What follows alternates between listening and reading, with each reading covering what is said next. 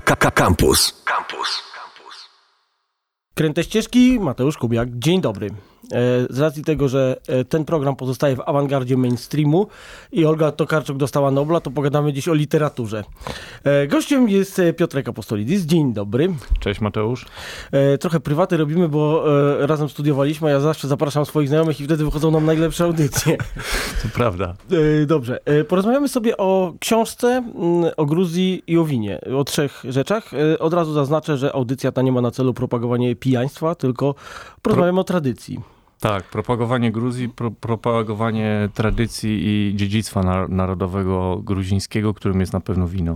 No tak, Gruzja jest pierwszym miejscem, gdzie słowo wino w ogóle e, powstało i stamtąd się wywodzi, według ich przynajmniej wersji. Tak, no wywodzi się nie tylko słowo wino, ale wywodzi się technologia produkcji wina. I przede wszystkim to, co wydaje się najważniejsze, to to, że, że jest tutaj ciągłość 8 tysięcy lat produkcji wina. E, i to w zasadzie w ten sam sposób. Oczywiście Gruzini robią też wina przemysłowe e, obecnie, natomiast e, wciąż bardzo popularne są tak zwane wina pomarańczowe, czyli robione dokładnie tą samą metodą, którą, którą były robione 8 tysięcy lat temu. Jedyne chyba takie miejsce na Ziemi. No tak, e, od czasu do czasu wiem, że wykopują coś w Armenii, wtedy Ormianie twierdzą, że to oni są najstarsi w produkcji win, ale za chwilę wykopują znowu coś w Gruzji archeolodzy i wraca do normy. E, tak, e, jeśli chodzi o, o tą konkurencję armeńsko-gruzińską, to ona jest obecna na, na wielu płaszczyznach, winiarskiej też. Różnica jest taka, że w Armenii znajduje się prawdopodobnie najstarsza winiarnia na świecie, wykopaliska faktycznie to potwierdziły.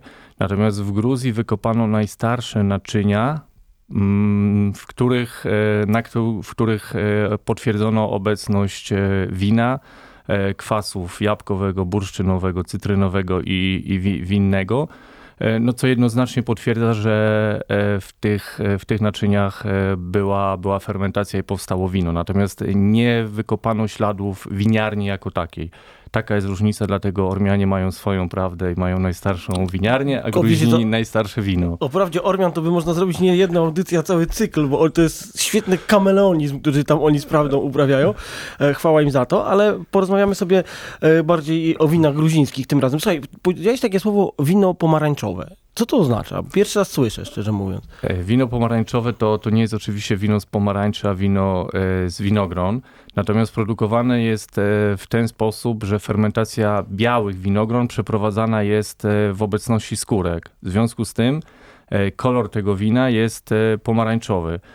Pamiętajmy o tym, że te wszystkie wina białe, które pijemy, 99% win białych, które pijemy współcześnie, to są wina, w których białe winogrona są fermentowane bez skórek, czyli tylko i wyłącznie sok.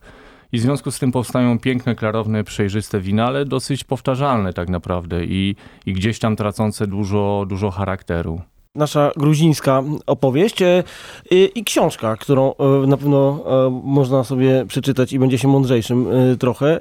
Opowiedz coś o książce, kilka słów o twojej książce. Gruzińska uczta powstała jako, jako rezultat wielu podróży winiarskich po, po Gruzji i odwiedzenia wielu winnic, rozmowy z winiarzami. Jest to książka przede wszystkim o, o winie, ale poprzez to, że, że Gruzja jest, jest tak winiarska, jest to też książka o, o Gruzji jako takiej. O tradycji gruzińskiej, o tym, z czym najbardziej Gruzini się identyfikują. Nie, jest to powiedz o, o, tych, o tym jeżdżeniu po winnicach, bo jakby to mnie zainteresowało. Wiadomo, że tak naprawdę kilka jest regionów, każdy twierdzi, że robi jedyne i niepowtarzalne i właśnie to właściwe, mhm. najwłaściwsze ze wszystkich, najbardziej gruzińskie y, z win. E, I dla mnie no, wino, Gruzja i Kachetia mi się od razu kojarzy. To jest region dla niewtajemniczonych, ten róg tam na dole w stronę Azerbejdżanu trochę. Tak, najbardziej znanym niewątpliwie winiarskim regionem jest, e, jest Kachetia. To jest tak naprawdę E, dolina rzeki Alazani, wciśnięta między dwa pasma górskie, pasmo Wielkiego, Wielkiego Kaukazu i, e, i gór e, Gombori. Natomiast nie jest to jedyne miejsce, gdzie robi się wino. Kachetia ma najbardziej kontynentalny klimat, czyli najbardziej gorące lata, ale też najzimniejsze jesienie i zimy. W związku z tym e, tam też e, zbiory zaczynają się najwcześniej. Oczywiście w Gruzini rywalizują regionami na wielu płaszczyznach, ale też winiarskim i każdy region uważa, że robi wino najlepsze. Kachetia robi na pewno wina najwięcej, na pewno jest najbardziej znana, ale z kolei w innych regionach e, śmieją się, że, e, że, że, że szczepy winogron, e, które są uprawiane w Kachetii są najtańsze, bo jest ich najwięcej i że w ogóle robią wino tylko i wyłącznie wytrawne po to, żeby móc dużo tego wina pić, a w regionach, gdzie robi się wina półsłodkie i półwytrawne, pije się dla smaku. Z kolei Kachetyjczycy śmieją się z innych regionów, e, mówiąc, że jak już u nich e, skończył się zbiór, to ewentualnie przekazują winogrona dalej na, e, na zachód. I z tych takich resztek, których oni nie wykorzystują, to, to zachód Gruzji robi wina. Także rywalizacja, jak na wielu szczeblach, jest bardzo, bardzo intensywna w Gruzji. Natomiast no, nie, nie ulega wątpliwości, że, że Kachetia najbardziej jest zidentyfikowana z winem i tego wina produkuje najwięcej. Ale nie ma regionu w Gruzji, który by, w którym by winogrona nie były uprawiane i wino nie byłoby robione, nie wyłączając nawet górskich regionów, takich jak E, jak Racza czy, czy Adżaria. No i co, ale tam spokojnie udają się przy, tej, przy tym klimacie, bo powiedzmy sobie, że jakby idąc od Kachetii, która jest najbardziej na wschodzie, idąc na zachód, to tam się klimat e, zmienia mocno tak naprawdę, robi się coraz bardziej wilgotno. Tak, robi się coraz, coraz bardziej ten klimat jest e, morski, taki spłaszczony bym powiedział, czyli coraz większa wilgotność, coraz mniejsze wahania temperatury dobowe i roczne tak naprawdę winogrona lubią klimat e, dosyć taki kontynentalny, e, ciepły kontynentalny, czyli, czyli na pewno bardziej sprzyja, sprzyja ku uprawie winogronka Hetia niż zachodnia Gruzja. Niemniej jednak e, w zachodniej Gruzji uprawia się inne szczepy niż w Kachetii, także nie znajdzie się tam Saperawi czy Rkatiteli, a, a raczej odmiany, które lubią troszeczkę bardziej wilgotny i, i, i mniej mniej gorący klimat e, takie jak Cycka czy Solikauri, takie nazwy. Piękne nazwy. Tak, bardzo ładne mają Gruzini nazwy winogron. E, także generalnie udaje się wino wszędzie, tylko trzeba no, użyć trochę inne szczepy i, i czasem trochę inną, e, inny sposób produkcji. A jak to jest z dostępnością w Polsce na przykład? Bo wszyscy znają Saperawi, ale chyba kolejnych szczepów to nikt nie potrafi wymienić. Polska w ogóle jest wyjątkowa, jeśli chodzi o wina gruzińskie, bo jesteśmy czwartym na świecie importerem win gruzińskich. E, po takich potężnych rynkach no, dla gruzińskich win, jak, jak rosyjski, bo pamiętajmy, że... Chyba dla każdego wina rosyjski rynek będzie potężny, bo chłonie każdą ilość. Tak, to prawda. Pamiętajmy o tym, że, e, że nie ma już embarga na wina gruzińskie od e, ponad 6 lat, natomiast nawet jak to embargo było, to wina gruzińskie były w Rosji. Więc rynek był, jest i będzie potężnym rynkiem dla win gruzińskich. E, przed nami jest też Ukraina i Chiny, które no generalnie jak się decydują na e, jakikolwiek e, import czegokolwiek, to stają się od razu już top, top 5 na tak, pewno. I robią to w statkach, a nie w skrzynkach. tak, ale, ale Polska, Polska jest na zaszczytnym czwartym miejscu i wina gruzińskiego w polskich sklepach jest, jest bardzo dużo. Większość, nie jest tanie, powiedzmy sobie. Nie jest tanie. Nie jest tanie. Ono nie jest też tanie w Gruzji. E, no, Gruzini twierdzą, że, że jest to wino absolutnie z górnej półki i takie wina nie, nie, nie mogą być tanie, e, nawet, nawet u nich w kraju. E, wina przede wszystkim w polskich sklepach to są wina kachetyjskie, Saperawir, Catitelli, ale tak jak wcześniej powiedziałem, każdy region robi, robi swoje wina i powoli, powoli pojawiają się też wina gruzińskie z innych regionów. E, także szukajcie w sklepach e, takich odmian właśnie jak Solikauri, Cycka, Krachuna, Ochanuri, Sapere. Może się uda, chociaż na razie nie będzie łatwo. E, powiedz mi, bo, bo, w twojej książce e, mówisz, że podróżujesz przez różne e, tereny Gruzji. Opowiedz mi o jakichś takich totalnie undergroundowych mm, winnicach, które, które odwiedziłeś. Jak, jak, jak to wygląda? Bo ja widziałem te w Kachetii, one już niektóre to po prostu wyglądają jak fabryki, tak? Także E, wszystko jest bardzo ładne i świecące. Tak, no chyba takie naj, e, najbardziej, które zapadły mi w pamięć, to była jedna, e, w, e, która produkowała wina w apelacji Utsa Helauri. To są w ogóle najdroższe wina w Gruzji. E, półsłodkie, czerwone wina. E, droższe niż, nawet niż Kwanczkara. Generalnie chciałem tam podjechać samochodem do tej wioski w której, w której wina w tej apelacji się produkuje i, i gdzieś tak w jednej czwartej drogi zapaliły mi się wszystkie kontrolki już na, na, na desce rozdzielczej, co oznaczało, że, że droga nie nadaje się, znaczy droga się nadaje, ale mój samochód się nie nadaje, żeby nią jechać. E, później e, szedłem, dalszą drogę szedłem na pieszo. Po lewo i po prawo widziałem e, porzucone jeszcze z czasów radzieckich różne samochody ciężarowe, co, co pokazywało, że nie tylko mój samochód nie dał rady na Że nie jest łatwo. Tak, że nie jest łatwo. No i tak sobie tam szliśmy przez, przez godzinę w górę po, po kamiennej drodze. Wreszcie, wreszcie doszliśmy. Ale tamtejszych mieszkańców optymizm nie, nie omija, bo z winiarzem, z którym rozmawialiśmy, e, to, to, to właśnie był w trakcie budowania e, hostelu e, i twierdził, że, że będą tam przyjeżdżać rzesze turystów. Nie wiem, chyba będą przychodzić, ale mie miejsce piękne. Natomiast drugą ciekawą, ciekawym doświadczeniem mm, to były właściwie zbiory, czyli, czyli czas, kiedy zbieraliśmy winogrona na, na winnicy.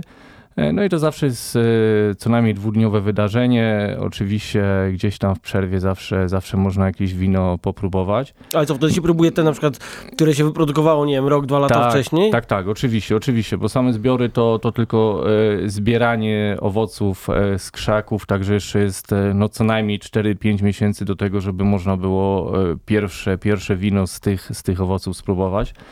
E, no to jakoś tak się stało, że nam się, e, że już tego wina do próbowania nie mieliśmy. E, nie mieliśmy nie tylko wina do próbowania, ale nie mieliśmy też wysuszonych liści kukurydzy, żeby, żeby podwiązywać gałęzie do, do takich pali podtrzymujących krzewy. I nie mieliśmy również drutu żeby, e, żeby odpowiednio poprawić instalację na winnicy. No i generalnie wydaje się misja trudna. To, to, to był e, środek niczego, było tam kilka domów dookoła, ale, ale nic specjalnego.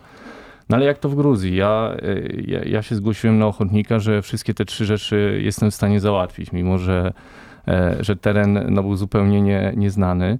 No i faktycznie, no, wszedłem do pierwszego domu, spytałem się, czy, czy mają wino. Tak, mamy, nie, nie ma problemu, możemy wam sprzedać. A czy macie wysuszone liście e, kukurydzy i czy macie drut? A no nie, tego nie mamy, ale ten w tamtym domu obok to będzie miał jedno i drugie. No to poszedłem i, i faktycznie były już, e, nie, było nie tylko wino, ale liście kukurydzy, a, a w trzecim domu było już wszystko. Więc wróciłem generalnie po 10 minutach i, i miałem wszystko. Jako Superman? E, tak, tak. Chociaż wszyscy już się przyzwyczaili, że w Gruzji można wszelkie rzeczy w miarę, w miarę szybko i bez problemu załatwić, a, a, a na pewno wszystkie związane z, z kulturą wina i winobrania. Natomiast no, y, ten kontener, w którym, e, w którym ten człowiek trzymał wino, no to raczej przypominał jakiś e, kontener po, po oleju samochodowym. Natomiast wino było naprawdę niesamowite. Świetne wino to, to, to, pokazuje, że, że w każdym domu losowym w Gruzji można, można świetne wino y, kupić. Ono kosztowało naprawdę jakieś, jakieś grosze, ale niesamowite było. Orkatitelli właśnie pomarańczowe robione tą naturalną metodą gruzińską. A jaka jest ta metoda naturalna? Bo tam y, dużo się można nasłuchać o tych y, wkopanych y, kłewrach w ziemię. Kłewry to są takie wielkie amfory, jakby tylko, że one są nawet nie XL, tylko po prostu do kwadratu. Tak, kwewri to jest to jest element e, produkcji wina głównie związany z kachetią i to jest faktycznie fermentacja e, w glinianych amforach wkopanych e, w ziemię. No to było najprostsze rozwiązanie, żeby utrzymać niską temperaturę przy fermentacji. Ona jest niezbędna. W takim klimacie jak Gruzja 8 tysięcy lat temu i, i, w kolejnych latach no nie było innej opcji, żeby obniżyć temperaturę, jak po prostu wkopując naczynie do fermentacji pod ziemię, no i przez tysiące lat tak to funkcjonowało. No teraz oczywiście są inne opcje, są e, kadzie z e, temperaturą e, chłodzenia, z chłodzeniem, które utrzymują stałą temperaturę. Natomiast kiedyś tego nie było, więc żeby zrobić dobre wino w gorącym klimacie i żeby to było powszechne, żeby nie robili tylko tego najbogatsi, tylko żeby absolutnie każdy człowiek mógł to robić, no to, no to trzeba było taką metodę wynaleźć. I to jest ta metoda kachetyjska, czyli fermentacja w kwewri. E, natomiast generalnie ta tradycyjna metoda produkcji wina e, w Gruzji sprowadza się po prostu do fermentowania białych odmian winogron razem ze skórkami. Na naturalnych drożdżach, czyli nie wy wykorzystując tylko i wyłącznie te drożdże, które są na skórkach winogron, e, nie dodając niczego, później nie filtrując, a jedynie przelewając po zakończeniu filtracji kilka razy w ciągu no, pięciu miesięcy z jednego naczynia do drugiego no, efekt jest piorunujący, bo to wino absolutnie nie traci nic na smaku, nic na aromacie. Jest to, no jest to zupełnie inna, inna poetyka e, winiarska, a tak naprawdę to, no to o to chyba w winie chodzi, a nie o tym, co my mamy aktualnie w większości sklepów winiarskich, bo to jest już mocno, mocno produkt zmieniony, przetworzony i dostosowany do, do jakiejś wykreowanej tak naprawdę mody. E, ruszyliśmy temat twojej książki na początku. Musisz coś e, przybliżyć. E, co ty tam, o, o czym dokładnie opowiadasz, przez co przeprowadzasz czytelnika w swojej książce? W książce Gruzińska, Gruzińska Uczta przede wszystkim no, zapraszam w podróż do Gruzji, najbardziej winiarskiego kraju, kraju świata i gdzieś tam e, pomiędzy mm, wizytami w winiarniach, winicach, rozmowami z winiarzami, no gdzieś tam jestem pewny, że przebija się ten, ten charakter gruziński i, e, i to, co w tym kraju, no, to, co się dzieje, to, co jest dla nich najważniejsze. Ja tam spędziłem ponad 4 lata, więc nie byłem tam E, turystą, a po prostu tam mieszkałem i, i, i to dało mi możliwość, e, no przynajmniej w jakimś tam stopniu, na tyle na ile oczywiście może obcokrajowy zrozumieć jakikolwiek inny, e, inny kraj czy, czy naród. No mam nadzieję, że jakoś udało mi się uchwycić ducha Gruzji i, i jakby zrozumieć ich podejście do, do świata podejście do świata mają całkiem, całkiem wesołe, trzeba, trzeba przyznać. Tak, starają się patrzeć zawsze na, na tą pozytywną stronę życia. Faktycznie chyba nigdy nie usłyszałem od e, Gruzina narzekania. Generalnie Gruzini mówią, że jak jest wino i jest ser, to znaczy, że jest wszystko w domu, a, a każdy Gruzin ma sołguni, czyli własnej produkcji ser i, i, własnej produkcji wino, także zawsze jest dobrze. No tak, może więc powinniśmy terapeutycznie się z Gruzinami zadawać, żeby mniej narzekać. Jasne, jasne, przydałoby się nam wszystkim. Dobrze, no powiedz coś o tym, o, o mieszkaniu y, swoim w Gruzji. Mieszkałeś w Tbilisi, E, mieszkają w Tbilisi. Tbilisi nie jest wcale łatwym miastem do, e, do mieszkania. E, wielu, wielu Gruzinów właśnie przyjeżdża do, do stolicy. Sprowadza ich tam, sprowadzają ich tam różne codzienne zajęcia, praca, praca, rodzina, nauka dzieci, także jest to bardzo zatłoczone miasto, gdzieś tam też wciśnięte między, między góry nad, nad rzeką Kwari w dolinie. E, mocno zatłoczone, z bardzo dużym ruchem samochodowym. E, no trochę spalin tam też się o te góry No tak, bo to jest takie typowo smogowe miasto, tak. takie po prostu w kotlinie, żeby się tam zasmożyć, nie tak. wiem jak tak. tutaj odmienić to słowo. Tak, to prawda, e, no ale jest też to na pewno piękne miasto i, i, i gdzieś tam po pracy zawsze daje możliwości odpoczynku i, i, w zasadzie w ciągu 10-15 minut można gdzieś wejść na jakąś górę i poczuć się zupełnie jak E, jak na, na, gdzieś na szczytach kaukaskich, a jest się cały czas gdzieś między dwoma dzielnicami miasta, bo to też tak naprawdę na Tbilisi składa się kilka, kilka dolin, także to są takie przedzielone doliny takimi pustymi obszarami, często, często e, jakimiś górami.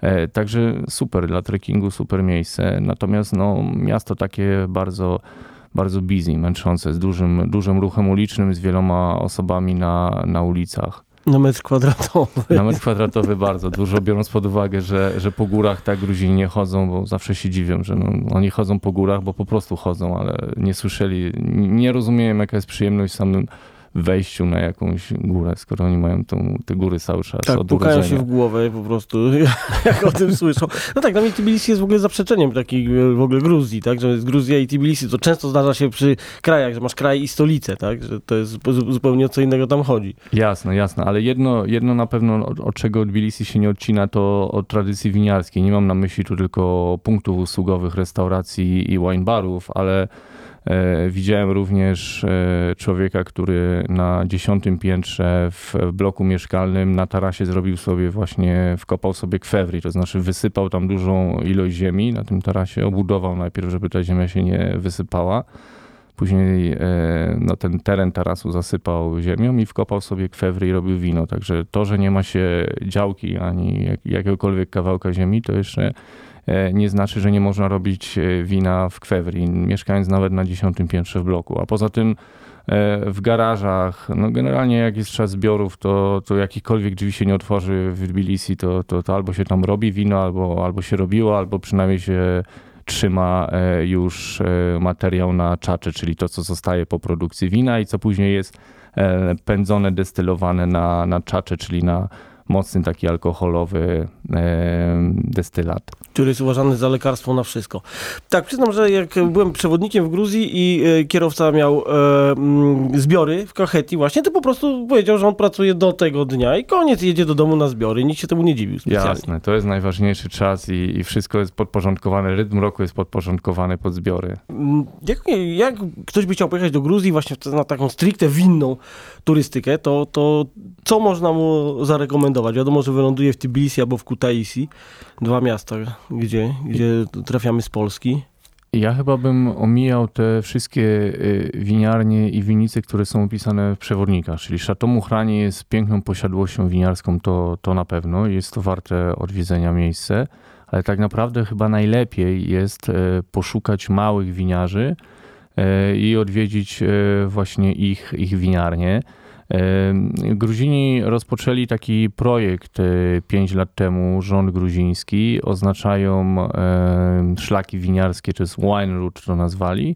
E, I są, e, jest spis y, winiarni, winiarzy, którzy, którzy są objęci właśnie e, tym szlakiem i to są zazwyczaj mali, niewielcy winiarze, często naturaliści, czyli robią, robiący wino e, tradycyjną metodą bez, bez żadnych dodatków albo przynajmniej minimalizując je.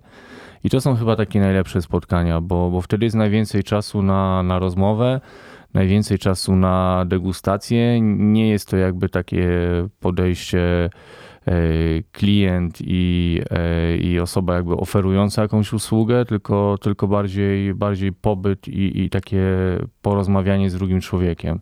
I to chyba, jest, to chyba jest najlepsze. Ja do takiego jednego winiarza trafiłem, nazywa się Archil Guniawa, e, koło miasta ze Stafonii.